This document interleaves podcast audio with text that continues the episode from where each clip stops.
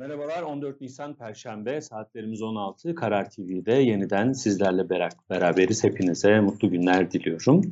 Ee, çevremiz önemli gelişmelere sahne oluyor biliyorsunuz. Özellikle Rusya-Ukrayna savaşı artık yavaş yavaş e, Rusya için işin içinden çıkılmaz bir hale doğru evrilmeye başladı. En son amiral gemisinin Ukrayna tarafından vurulması savaşın Rusya için pek görüldüğü gibi olmayacağını gösteriyor. E, velev ki diyelim ki Ukrayna Savaşı'ndan Rusya istediklerini alarak çıktı. Şöyle bir e, söz var. En azından Rusya'nın ciddi anlamda en azından konvansiyonel savaşta biraz karizması çizilmiş olacak.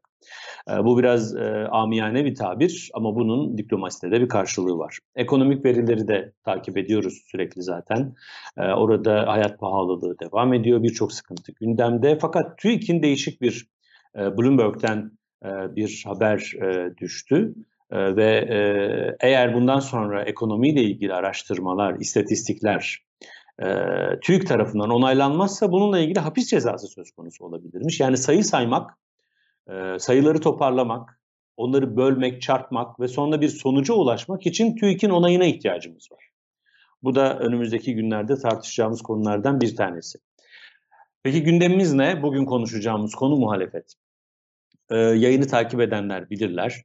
E, Millet İttifakı ya da Altılı Masa adını ne diyeceğimizi de artık biraz karıştırıyoruz. Uzun süredir bu konuda bir açmaz içerisinde. Sorunlarını bir çözemiyor ve bu konuda birçok eleştirel görüş de dile getirildi. Her ne kadar 28 Şubat'ta e, yapılan güçlendirilmiş parlamenter sisteme geçiş e, çabası önemli bir heyecan oluşturdu.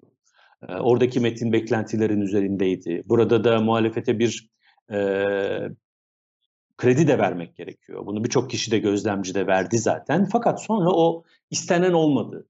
Sanki öyle bir his uyanıyor ki bazı e, liderlerin amacı orada o altılı fotoğrafı vermek ve orada kalmaktı. Sonra da bu altılı fotoğraftan kendisi için ne çıkacağına bakmaktı. Bu riskin altını birçok kişi çizdi. Birçok e, muhtemel problemlerin e, altını çizen oldu, işaret eden oldu. Fakat hani e, kendimiz çalıp kendimiz mi oynuyoruz? Bu okuyan yazılanlar okunmuyor mu? Ya da okunuyor da bir sonuç mu çıkmıyor? Ee, bu, bunu bilemiyorum ama geldiğimiz noktada e, görünen köy kılavuz istemez misali altılı e, muhalefetin önünde e, bu problemler çıkmış vaziyette. Şimdi bunun nereden geldik buraya? Hepiniz de biliyorsunuz Gültekin Uysal Demokrat Parti Genel Başkanı. Kaldı ki bu ay yapılacak olan Nisan ayı sonunda yapılacak olan toplantıda 6 e, muhalefet partisine ev sahipliği yapacak olan genel başkan bir tweet attı geçtiğimiz günlerde. Çok tartışıldı. Ben içeriğini çok fazla konuşmak istemiyorum ama yansımalarını konuşmak istiyorum. Ee, Sayın Uysal diyor ki Türk milletinin Cumhurbaşkanı adayı ile ilgili beklentisinin 3 ölçüsü var. 20 yıllık AK Parti döneminde sorumluluğa ortak olmamış olmak, seçilebilirlik ve seçim sonrası 20 yılda AK Parti tarafından devri sabık muamelesine maruz kalan TC devletini kurucu bir ruhla yeniden tesis etme yetisi. Şimdi kim sordu, böyle bir soru mu geldi, birilerinden bir işaret mi alındı, ee, Gültekin Bey kendisi mi böyle bir şey düşündü bunlar ayrı mesele. Fakat bunun özellikle DEVA ve Gelecek Partisi'nde rahatsızlık oluşturduğu aşikar. Ve bunlar üzerine çok fazla tepki geldiği için Gültekin e, Uysal bunu toparlamak için farklı e, açıklamalar da yaptı sonrasında. Yani sözlerim yanlış anlaşıldı. Benim amacım Gelecek Partisi Genel Başkanı Sayın Davutoğlu ve Deva Partisi lideri Babacan değildi. Ben işte Beştepe'yi kastettim bu konuda. E, ben her ikisiyle ilgili böyle bir şey söylemedim. Kaldı ki Sayın Davutoğlu kendisine karşı yapılan bir darbeyle görevden alındı vesaire vesaire. Bunlarla toparlamaya çalıştı ama bir kere olan oldu ve e, aslında söylenmeye çalışılan, dikkat çekilmeye çalışılan bazı rahatsızlıklar da gün ışığına çıktı. Sadece bu da değil. Biraz baktığımız zaman böyle biraz geriye çekilip Altılı İttifak'ın ne yaptığına. E, Sayın Kılıçdaroğlu bu, Altılı İttifak'ın en büyük bileşeni, aslında biraz toparlayıcısı, o ilk yapılan 28 Şubat organizasyonunun ev sahibi, mesela Ahlatlı Bel'deki ilk toplantının ev sahibi olarak düşündüğümüzde sürekli konuşmalarında Millet İttifakı olarak 6 partiden bahsediyor. 6 lider bir kader ortaklığı yapıldığından bahsediyor. Fakat diğer liderlerin yaptığı açıklamaya baktığımızda Cumhurbaşkanı adayının 6 lider tarafından kararlaştırılacağının dışında bir ittifak yapısının netleştiği, nasıl yol yürüneceğine dair bir mutabakat olduğuna ilişkin bir ortak açıklama en azından görmedik. Ha şu söyleniyor yani bunu birçok lider söylüyor, parti de söylüyor. Bu devam etmesi gerekiyor. Buradan ayrılmak olmaz. Vatandaşın bize beklentisine karşılık vermemiz gerekiyor. Ama bu kadar belirsiz, sınırları muğlak bir şekilde daha ne kadar ilerleyebilir bu yapı? Hele hele e, Sayın Uysal'ın tweetinde olduğu gibi yol kazalarıyla karşılaşılırsa bu altılı masa daha ne kadar devam eder bu bir soru işareti. Benim kanaatim bu önümüzdeki toplantı yani Deva Partisi'nin, affedersiniz Demokrat Parti'nin ev sahipliğinde yapılacak olan toplantı eğer altılı formatta yine gerçekleşirse çünkü her iki e, partide de, Gelecek Partisi'nde de, Deva Partisi'nde de durup dururken ortaya çıkan bu krizden çok rahatsız olunduğu çok net, bunu ifade de ediyor zaten kişiler. E, bu toplantı eğer yine altılı olursa kolay geçmeyeceği aşikar. Çünkü artık insanlar şunu soruyorlar doğal olarak. Şimdi böyle bir açıklama yapıldı, arkasından tepkiler gösterildi. Peki siz bunları üç kez bir araya geldiniz ve konuşmadınız mı? Birisi Ahlatlı Bel'de yapılan görüşme. İkincisi 28 Şubat toplantısından sonra o organizasyonun marjında yine 6 e, genel başkanın bir araya geldiği toplantı son olarak da Deva Partisi Genel Merkezi'nde Sayın Babacan'ın ev sahipliğindeki toplantı. Bunlar hiç konuşulmadı mı? Konuşulmadı mı da bunları bu şekilde dile getirme ihtiyacı hissediliyor? Bu belirsizlik muhalefete zarar veriyor. İktidar içinse kendi oyun alanını kurmasına müsaade eden bir e, strateji belirliyor. Hatta bugün e, Mustafa Karalioğlu kararda da bunu çok net bir şekilde ortaya koymuş. Birçok problem var, birçok sıkıntı var. E, ekonomide ciddi problemler var, dış politikada önemli unsurlar var ve bunları tartışmıyoruz. İktidar belirliyor gündemi ve muhalefet bunu gündemleştiremiyor. Sürekli muhalefet eleştirildiğinde biraz muhalefete haksızlık yapılıyormuş gibi e, serzenişler de duyuyoruz ama şu da vaka geçtiğimiz cuma günüydü Sayın e, Kılıçdaroğlu'nun et ve süt kurumuna gitmesi de olumluydu ama tek bir olay tek başına toplumsal algıyı belirlemeye yetmiyor. Bu toplamda bir stratejinin geliştirilmesine gerekiyor. Daha önce de yine e, konuşulan bir alternatif Cumhurbaşkanlığı adaylığının bir takvime bağlanması. 1 Mart'a kadar bu konu gündemimizde değildir, konuşmayacağız ki YSK'nın geçtiğimiz günlerde e, hangi adaylar olur, bu, bu aday belirleme süreçleri, kura mekanizmaları ile ilgili e, bazı hazırlıkları da çıktı ki o da Temmuz tarihini verdi. Görünen o ki 2023'te bir beklediğimiz ve planlanan tarihte olacak seçimler. Onun öncesine dair bir ışık en azından hala yok.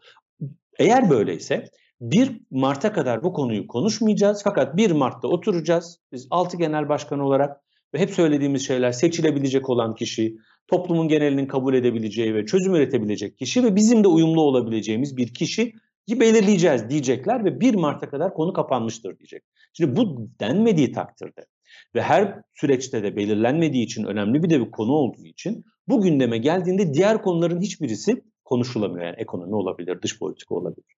Tabii bu belirsizlik ortamında başka isimler bu sefer gündeme geliyor. Kimler? Ee, Mansur Bey'i biliyoruz. Mansur Yavaş'ı Zafer Partisi Genel Başkanı Ümit Özdağ e, gündeme getirmişti. Haşim Kılıç ismi ortaya atıldı. Ertuğrul Günay ismi geçiyor. İlhan Kesici ismi geçiyor. Hala Abdullah Gül olabilir mi tartışmaları var. Bu arada özellikle bu isimlerin Türkiye son iki senede, üç senede çok ağır badirelerden atlap geçmişken e, kamuoyunun önüne çıkıp ne tür açıklamalar yaptılar? Kamuoyunu şekillendirebilecek ne tür çıkışlar yaptılar? Kamuoyunun ve toplumun rahatsızlıklarını dile getiren ne tür cümleler kurdular? Bu bir soru işareti. Bazı adayların bütün kriz süreçlerinde sessiz kalıp e, fakat aday belirleme süreçleri gündeme geldiğinde öne çıkması da bizatihi demokrasinin ne kadar sağlıklı olup olmadığı ya da muhalefetin gerçek ve topluma değebilen aday üretme konusundaki yeteneğiyle ilgili ayrı bir konu başlığı olarak düşünülmeli. Ama her iki e, Ankara ve İstanbul Büyükşehir Belediye Başkanları, Sayın Kılıçdaroğlu, ben aday değilim dese de hala Sayın e, Meral Akşener muhalefetin ortak adayları arasında konuşuluyor. Bu arada Gültekin Uysal açıklamasıyla özellikle gelecek ve devayı işaret etti. Ama ben Sayın Babacan'ın ya da Sayın Davutoğlu'nun ben aday olacağım diye bir açıklamasını da duymadım.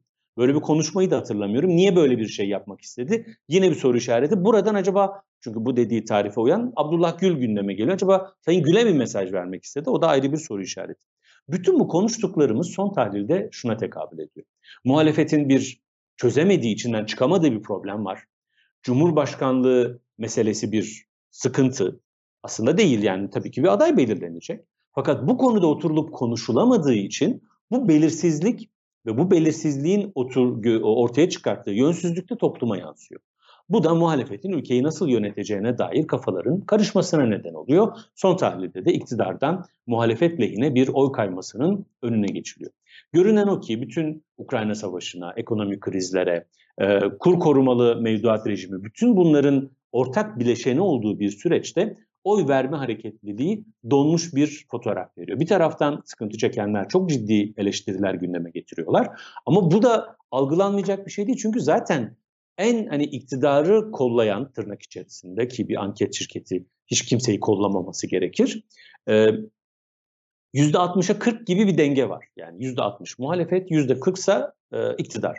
E, %60 muhalefet kendi başına zaten sokakta yeterince ses çıkartması e, gereken bir çoğunluk. Dolayısıyla sokaktaki sesi buna yormak da zor değil. Mevzu muhalefetin kendi içerisinde bir bütünlük haline gelmemiş e, olması. Peki bundan sonra ne yapılabilir? Belki e, özellikle Sayın e, Temel Karamollaoğlu'nun e, dün Karar TV'de dün akşam Sayın Taha Akyol ve Elif Çakır'ın e, misafir olduğu bir program vardı. E, takip etmenizi bence e, tavsiye ederim. YouTube'un da böyle bir güzelliği var. Hiçbir şey kaçırmıyorsunuz. Üstelik de sardırarak da dinleyebiliyorsunuz. E, ve istediğiniz yerleri görebiliyorsunuz. Bir de alt tarafta artık e, konuşma dökümleri falan da çıkmaya başladı. Aslında isteyen için bunları takip etmenin çok kolay olduğu e, zamanlardayız. Ve burada diyor ki e, Sayın e, Temel Karamollaoğlu üçüncü ittifak olabilir diyor. AK Parti'den kopan %15'lik kesim AK Parti'nin memleketin sorunlarını çözemediğini gördü. Herkes yanlışı gördü ancak bunu düzeltme konusunda bir ittifak sağlayamadı. Biz de dahil olmak üzere arayışta olacağız. Eski sistemde ittifak eden partiler önce tek oymuş gibi ittifaklar arasında bölünüyor ve sonra vekiller çıkıyordu. Şimdi bu avantaj çıktı. Yeni yollar aramak icap eder. Seçim kanunuyla şartlar değişti. Üçüncü ittifak olabilir. Bunu kamuoyunda ilk defa söylüyorum. Burada da kastettiği Deva Partisi, Gelecek Partisi ve Saadet Partisi geleceğin, devanın ve saadetin bir arada olduğu üçün, üçlü bir ittifak. Kabaca bakıldığında da %5 bandının üzerinde 5-6 arasında bir oy oranından bahsediyoruz. Eğer %7 ise ve CHP ile aynı ittifakta olmanın bu üç parti için oluşturabileceği ki alanda bununla karşılaşıyorlar. E, ortadan kalkarsa ve en azından parlamentoda, Cumhurbaşkanlığı seçiminde insanlar oylarını farklı verse bile hatta AK Partililer ben yine Cumhurbaşkanı Erdoğan'ı tekrar Cumhurbaşkanı olarak görmek istiyorum ama parlamentoda bir denge istiyorum derse ki biz bunları mecliste gördük, yerel seçimlerde gördük. Başkanı bir yerden seçti insanlar fakat meclisi başka bir yerden seçtiler. Belediye başkanlarını AK Partili seçtiler fakat e, meclisi AK Partili seçtiler. Belediye baş... Bu tür değişiklikleri Türk halkı bugüne kadar hep yaptı. Buna benzer bir oy verme davranışı gerçekleşebilir. Bu durumda %7'yi aşan bu üçlü ittifak parlamentoya farklı bir kombinasyonla girebilir.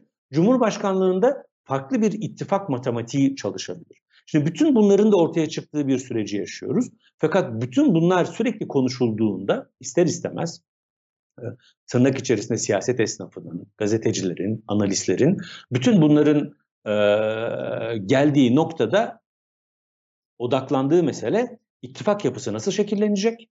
Cumhurbaşkanı adayı kim olacak? Ekrem İmamoğlu mu olacak, Mansur Yavaş mı olacak? Herkes kendince pozisyon alıyor. Bütün bunların arasında kaybolup gidense Türkiye'nin gündemi. Kimin kazanacağı elbette önemli ama ondan daha önemli olan Türkiye'yi yönetecek olanın Türkiye'yi nasıl yöneteceği. Ve bu tartıştığımız kadar yani Cumhurbaşkanı adayının kim olacağı, ittifak yapısının nasıl olacağı kadar muhalefetin nasıl ülkeyi yöneteceğini tartışmaya başlamamız lazım ki önümüzü görebilelim. Belki de o zaten oy verme davranışlarını e, değiştirecek. E, Sayın Özdemir zaten hep iki hızla izliyor ama bazıları fazla hızlı konuşuyor onu söyleyeyim. Yani beni iki hızla izleyebilir misiniz? Onu çok emin değilim. Ali Bey ve Nihat Bey her zaman olduğu gibi yayında. Onlara da çok teşekkür ediyoruz yine izledikleri için. Eğer beğendiyseniz yayını beğenmeyi unutmayın.